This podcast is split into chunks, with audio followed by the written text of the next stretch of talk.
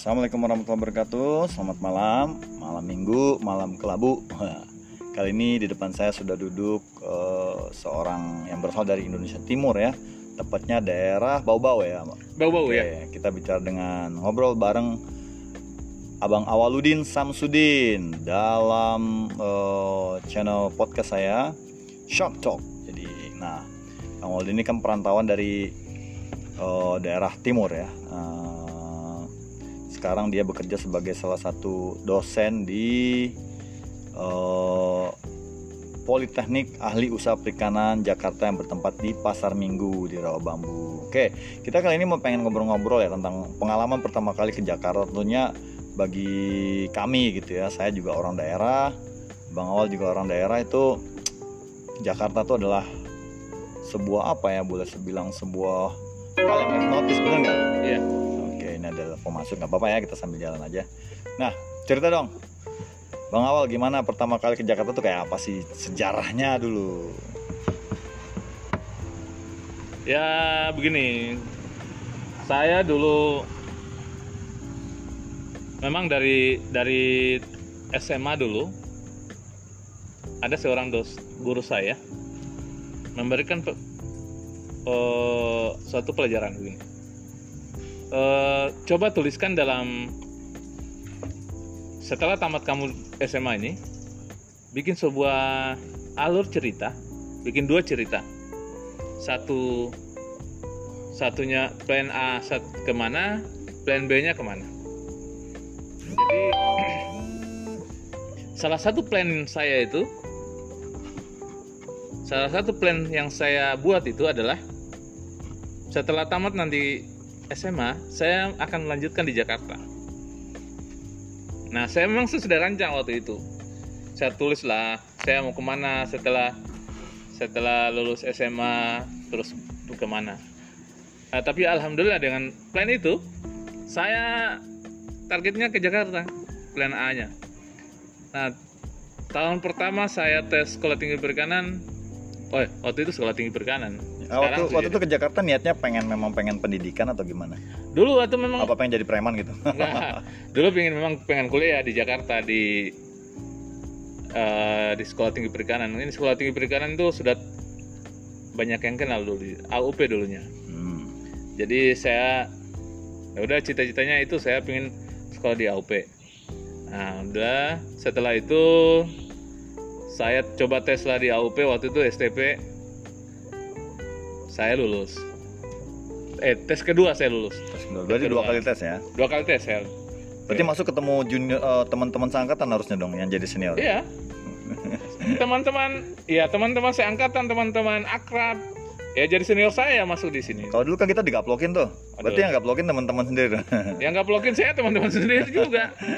Nah udahlah. Waktu itu karena mungkin zaman itu masih pesawat masih kurang. Masih kurang ya. Nah, kita naik kapal. Iya. Waktu itu udah ada belum bandara di Bau-Bau?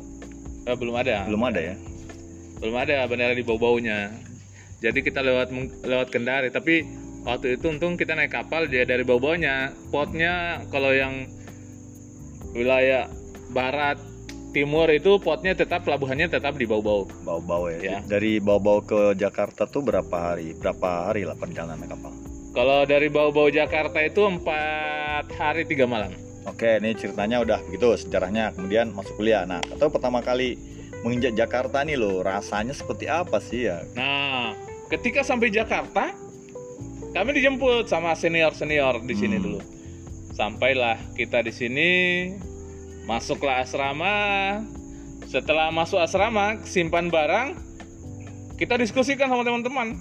Hmm. Kita rombongan itu eh, ke mana kita, nih gitu ya kita injakan Monas dulu pertama oh. kali. Nah, jadi kalau Jakarta itu Monas ya? Pokoknya dalam otak kami adalah yang kami cari adalah Monas. Monas yeah, itu dari iya, mana? Yeah, Sudah. Waktu itu langsung keluar cari Monas di mana. pertama kali yang kita lakukan adalah naik kereta. Naik kereta. Loh, itu pertama kali tahun 2000 tuh naik kereta. Masih kereta ekonomi ya? Ekonomi masih ada. Ah, will will masih desa-desakan di dalam kereta mau saya berantakan lah waktu itu nah sampailah kita di Monas dan bersyukurlah kita di sana luar biasa alhamdulillah kita bisa lihat barang ini biasanya kita nonton di TV ternyata oh ini begini modelnya Monas Hmm. Apa tuh bayangannya ketika melihat Monas pertama kali? Kan kalau dulu kita belajar di sejarah ya. Pertama kali Monas didirikan oleh Presiden Soekarno kan, lihat Ya. foto-foto. Terus ketika melihat asli itu gimana, Ban? Bayangannya gitu loh. ya bayangannya kok ada ada emas di atas sana itu. Gimana ceritanya? Tiba-tiba bisa di atas. Kan itu kebayang orang kampung. Maklum kita kan orang kampung. Kita nggak tahu apa-apa. Nah, Terpaksa kan- ya, ya kita lihat lah. Kita bayangkan "Us, bagaimana cara bikinnya itu? Ya itulah yang kita dalam benak kita. Tapi yang luar biasa dari Bang Awal nih, saya aja yang udah lama Jakarta ya, duluan Jakarta tuh artinya nggak begitu tahu seluk-beluk Jakarta, tapi Bang Awal kenapa kok bisa tahu gitu loh seluk-seluk Jakarta, jalan-jalan gitu bisa hafal tuh luar biasa. Gimana ceritanya bisa sampai paham gitu? Nah, dulu waktu zaman kuliah, waktu zaman kuliah dulu, ah dulu ini sekitarnya tahun tahun 2000-an itu masih kental namanya eh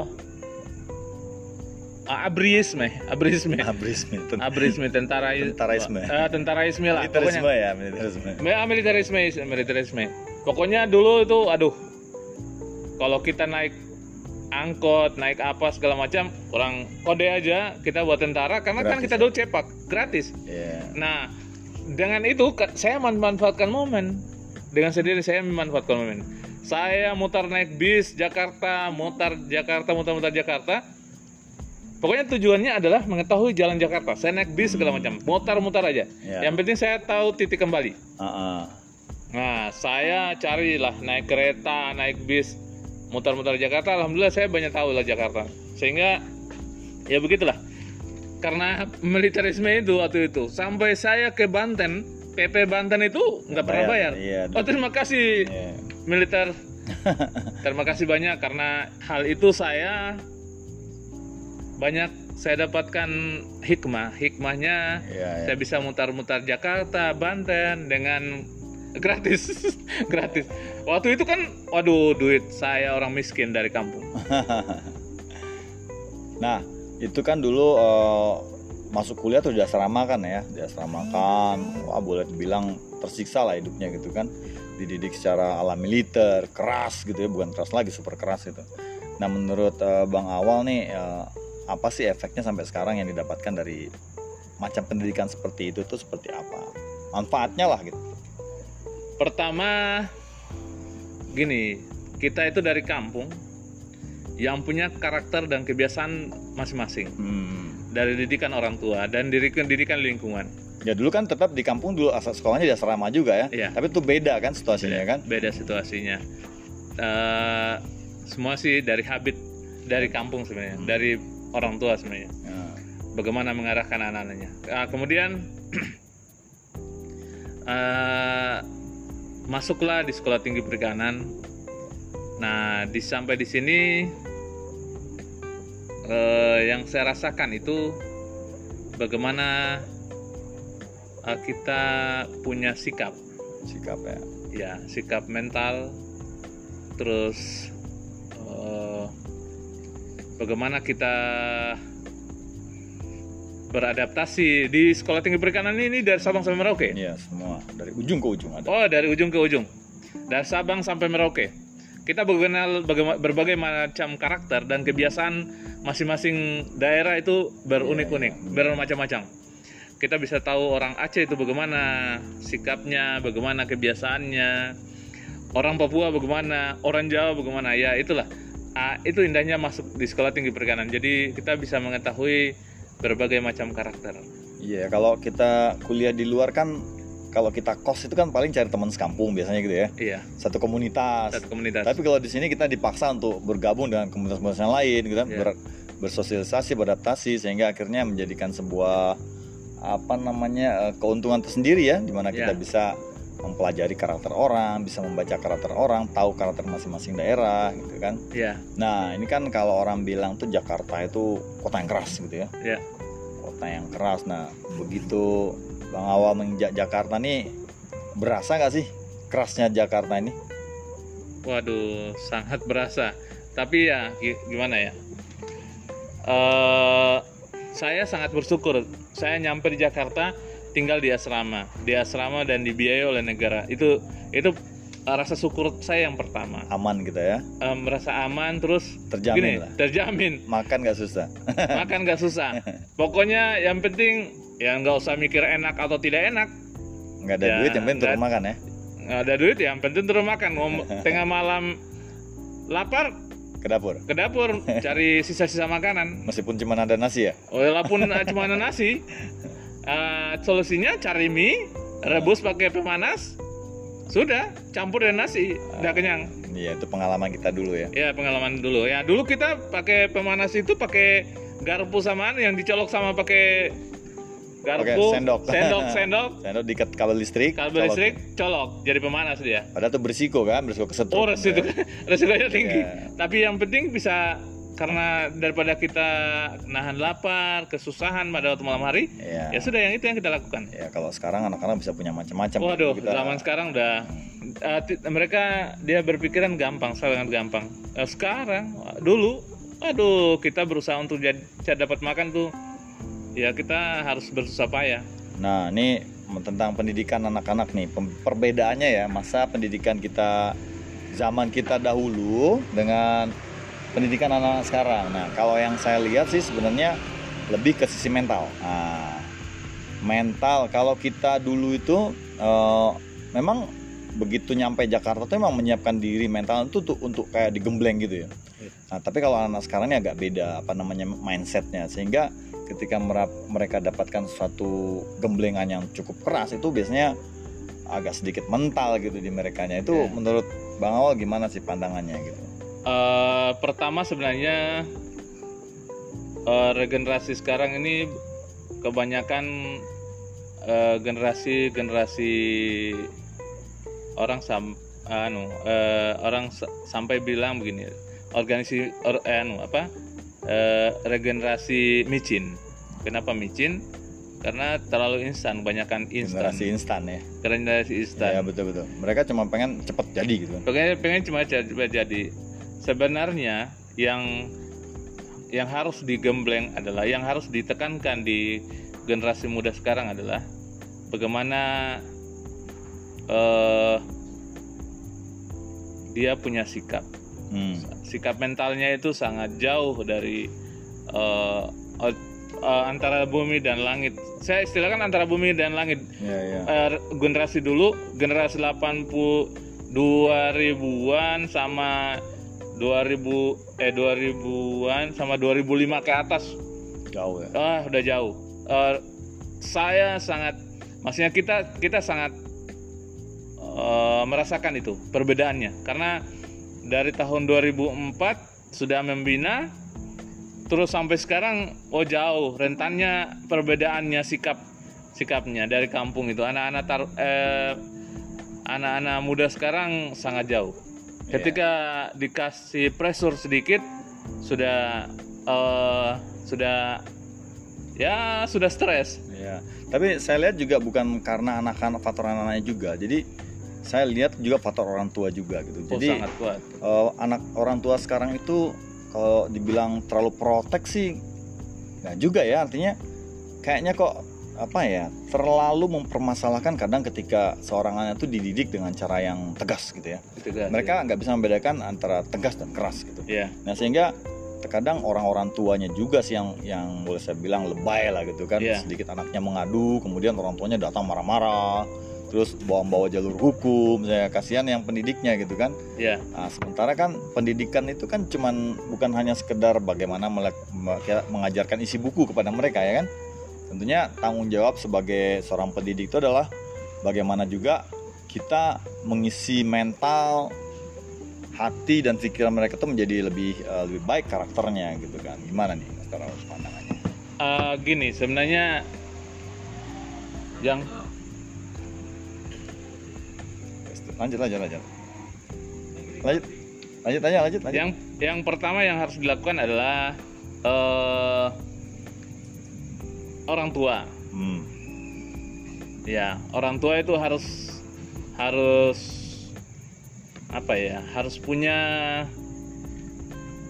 eh sesuatu yang ingin ditekankan kepada anaknya Iya. untuk anaknya itu supaya bisa berubah pertama yang harus dia punya karakter disiplin nah, itu yang utama kemudian yang kedua adalah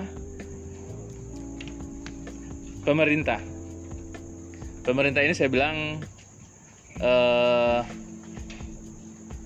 pemerintah ini harus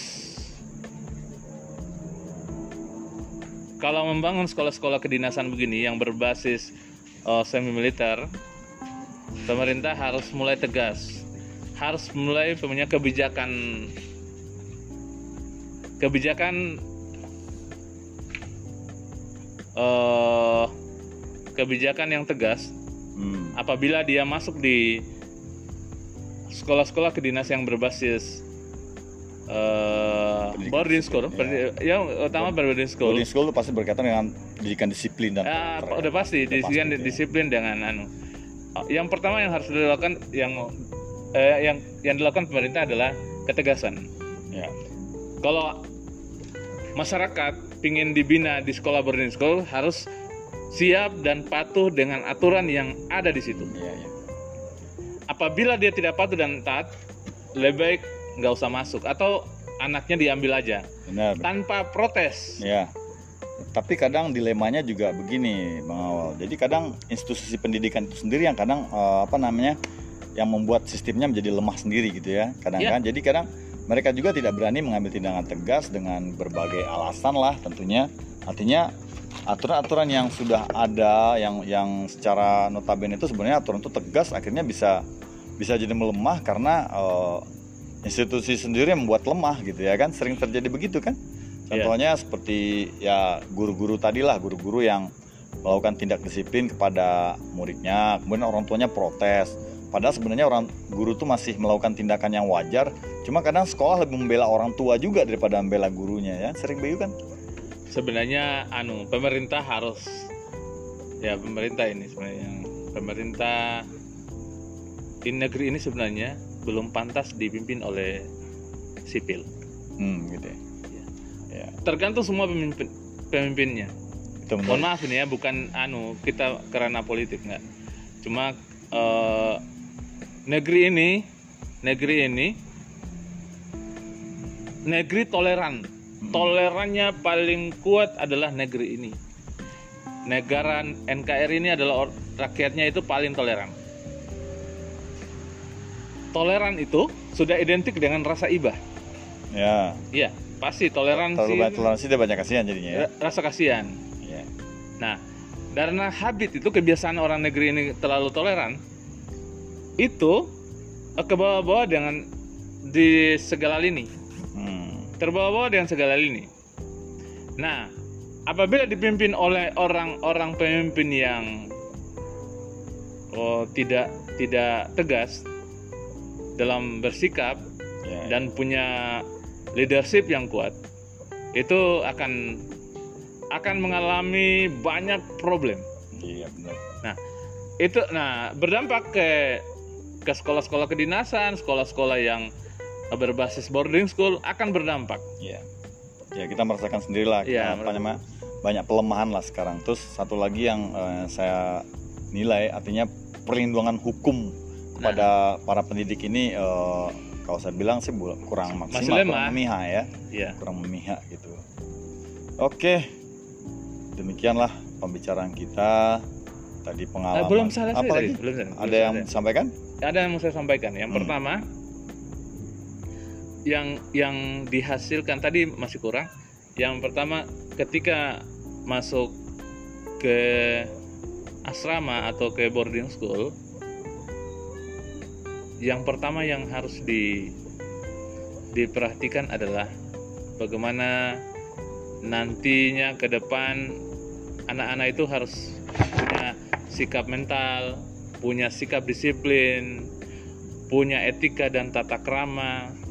Dia bisa membedakan diri, dia posisinya di mana, apakah dia sebagai junior atau senior ya ya atau sebagai sahabat jadi atau dia harus tahu menempatkan diri di level-level masyarakat yang ada gitu ya Nah, itu sebenarnya konsepnya dalam sebuah boarding school sebenarnya Ah, itu yang diajarkan. Hierarki ya? Hierarkinya. Hierarki itu sebenarnya banyak orang menentang hierarki. Padahal kita hidup dalam hierarki ya. Padahal keseharian kita hierarki. Udah jauh-jauh dari rumah Di tangga. rumah ya tangga aja ada hierarki. Siapa suami, siapa istri gitu Iya. ya. Jadi harus tahu harus tahu menempatkan diri kan. Harus tahu menempatkan diri. Siapa anak Nah, gitu ya.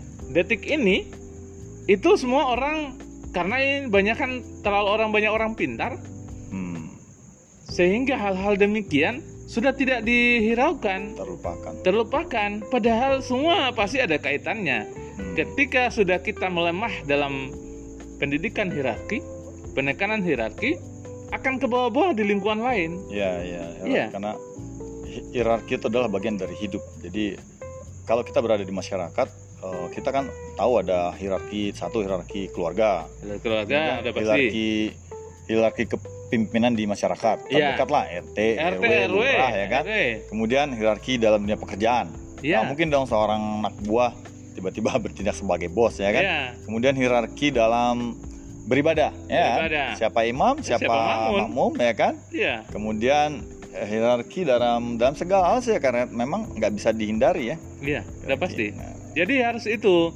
Nah, harus ditekankan itu kepada orang-orang hierarki itu di mana pun harus dibawa. Iya, iya. Iya, supaya kita bisa menempatkan diri, Betul. kita bisa bekerja dengan baik. Hmm. Kalau kita sudah menempatkan diri dengan baik, pasti tidak akan ada tekanan. Maksudnya tekanannya gimana? Merasa tertekan. Hmm. Karena kita sudah posisinya begitu. Jadi kalau biasanya kalau tidak menempatkan hierarki, pasti orang-orang tersebut merasa tertekan, tidak tidak siap. Dia dia pengennya jadi bos, memang tidak mau nggak Ya, semua orang pengen jadi bos. Iya. itu tapi itu fenomena sekarang. Semua orang pengen menjadi bos. Ya, Siapa pun dia nggak mau, nggak kadang nggak menyadari dirinya berada di level bawah, itulah. ya, bergayanya seperti bos. ya benar. Ya, jadi begitulah sebenarnya eh, pendidikan itu bukan hanya di boarding school, tapi juga di pendidikan umum lainnya. Seti- eh, seharusnya sih eh, bukan hanya kita mengajarkan isi buku kepada Ya. anak-anak, tapi bagaimana seperti dulu ya. Dulu kita sekolah itu kalau bandel itu namanya penggaris yang satu meter tuh patah di pantat tuh biasa. Biasa. Dapat cubitan sampai biru-biru dari guru Ya, itu biasa. Dan Biasa. orang tua nggak nggak pernah marah. Justru ketika Ya. kita lapor dapat tanda-tanda hukuman seperti itu justru Nah, orang tua yang nambah lagi lah. nambahin kita ini kamu nakal di sekolah gitu kan kalau Ya, sekarang kan beda gitu ya Ya. Ah, jadi artinya guru-guru ini jadi kadang bikin serba salah juga dia dia Ya. mau keras salah kalau nggak keras anaknya juga kurang ajar banyak Ya. kan kita lihat di dalam kelas merokok kemudian gurunya ditantangin ya kan Ya. untung gurunya bukan kita ya kalau kita gurunya Elbow dulu. elbow kita ambar ya, jadi Ya. eh, begitu teman-teman Tapi nggak segitu juga lah. Ya, Kita ini sebenarnya ya orang gini sebenarnya eh, fighter itu atau orang-orang yang biasa bertarung itu hmm, itu jangan sebenarnya- jangan selalu berpikir Ah, bahwa orang-orang itu keras. ya betul betul Orang-orang yang biasa fighter itu sebenarnya orang-orang penakut. Kenapa saya bilang penakut? Karena cenderung orang-orang demikian menghindari sebuah kontak konflik. fisik, ya mengenai konflik kalau bisa ya, menghindari konflik. Pasti itu orang-orang petarung itu Ah. pasti menghindari konflik. ya buat apa gitu kan Buat apa? Karena gini, kenapa orang-orang makanya banyak orang yang orang yang menjudge, menjudge. Wah, hati-hati dengan dia nanti kamu dibully. Padahal enggak. Kita ini Ya. padahal orang-orang biasa aja Ya. yang hidup normal. Hmm, justru yang saya dengarkan banyak kisah-kisah bukan dari mama bahkan murid-murid kita sendiri yang cewek-cewek itu eh, bercerita mereka pernah mengalami apa namanya kekerasan fisik oleh pasangannya ya oleh pacarnya dipukulin digamparin tapi kalau secara pribadi nih saya yang udah punya pasangan ini kan sebenarnya saya emosi-emosinya saya tuh eh, nggak pernah namanya main tangan sama perempuan itu Ya, ya kan? Itu bagaimana kita menghormati sebuah hierarki lah. Itu hierarki juga kan?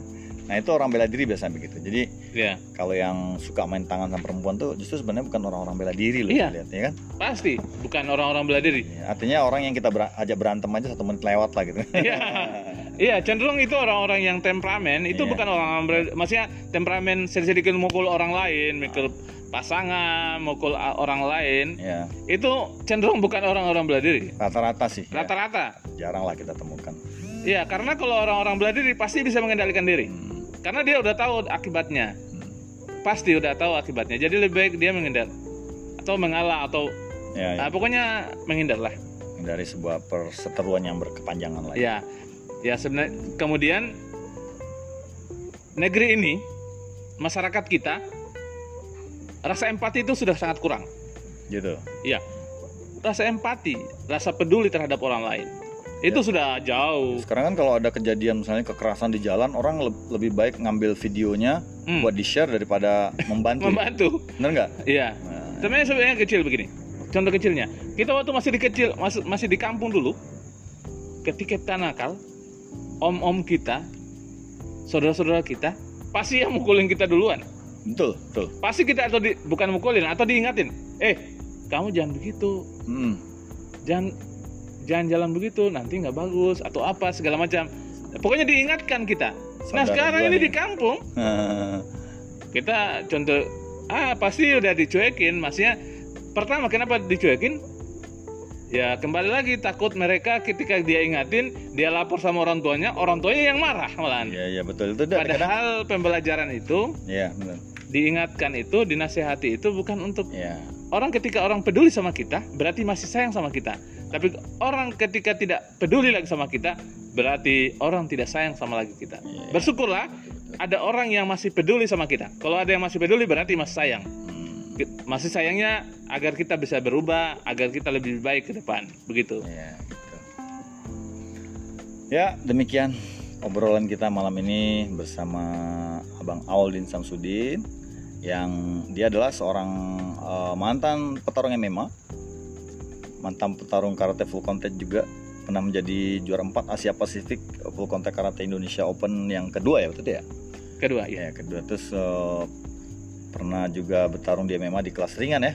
kelas Kelas, iya ya, dengan kelas ringan. kelas 60 60 63 juga seorang pelatih utama di perguruan olahraga bela diri Usikendo yang disebut eh, master juga. Kalau kita juga ada gelar master sih.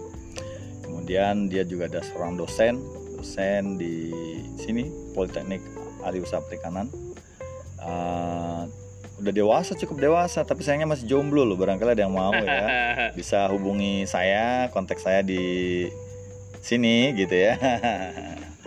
Oke terima kasih. Teman-teman sudah mendengarkan obrolan kami ini obrolan sambil ngopi sebenarnya ini. Mudah-mudahan obrolan ini bermanfaat eh, buat kita semua.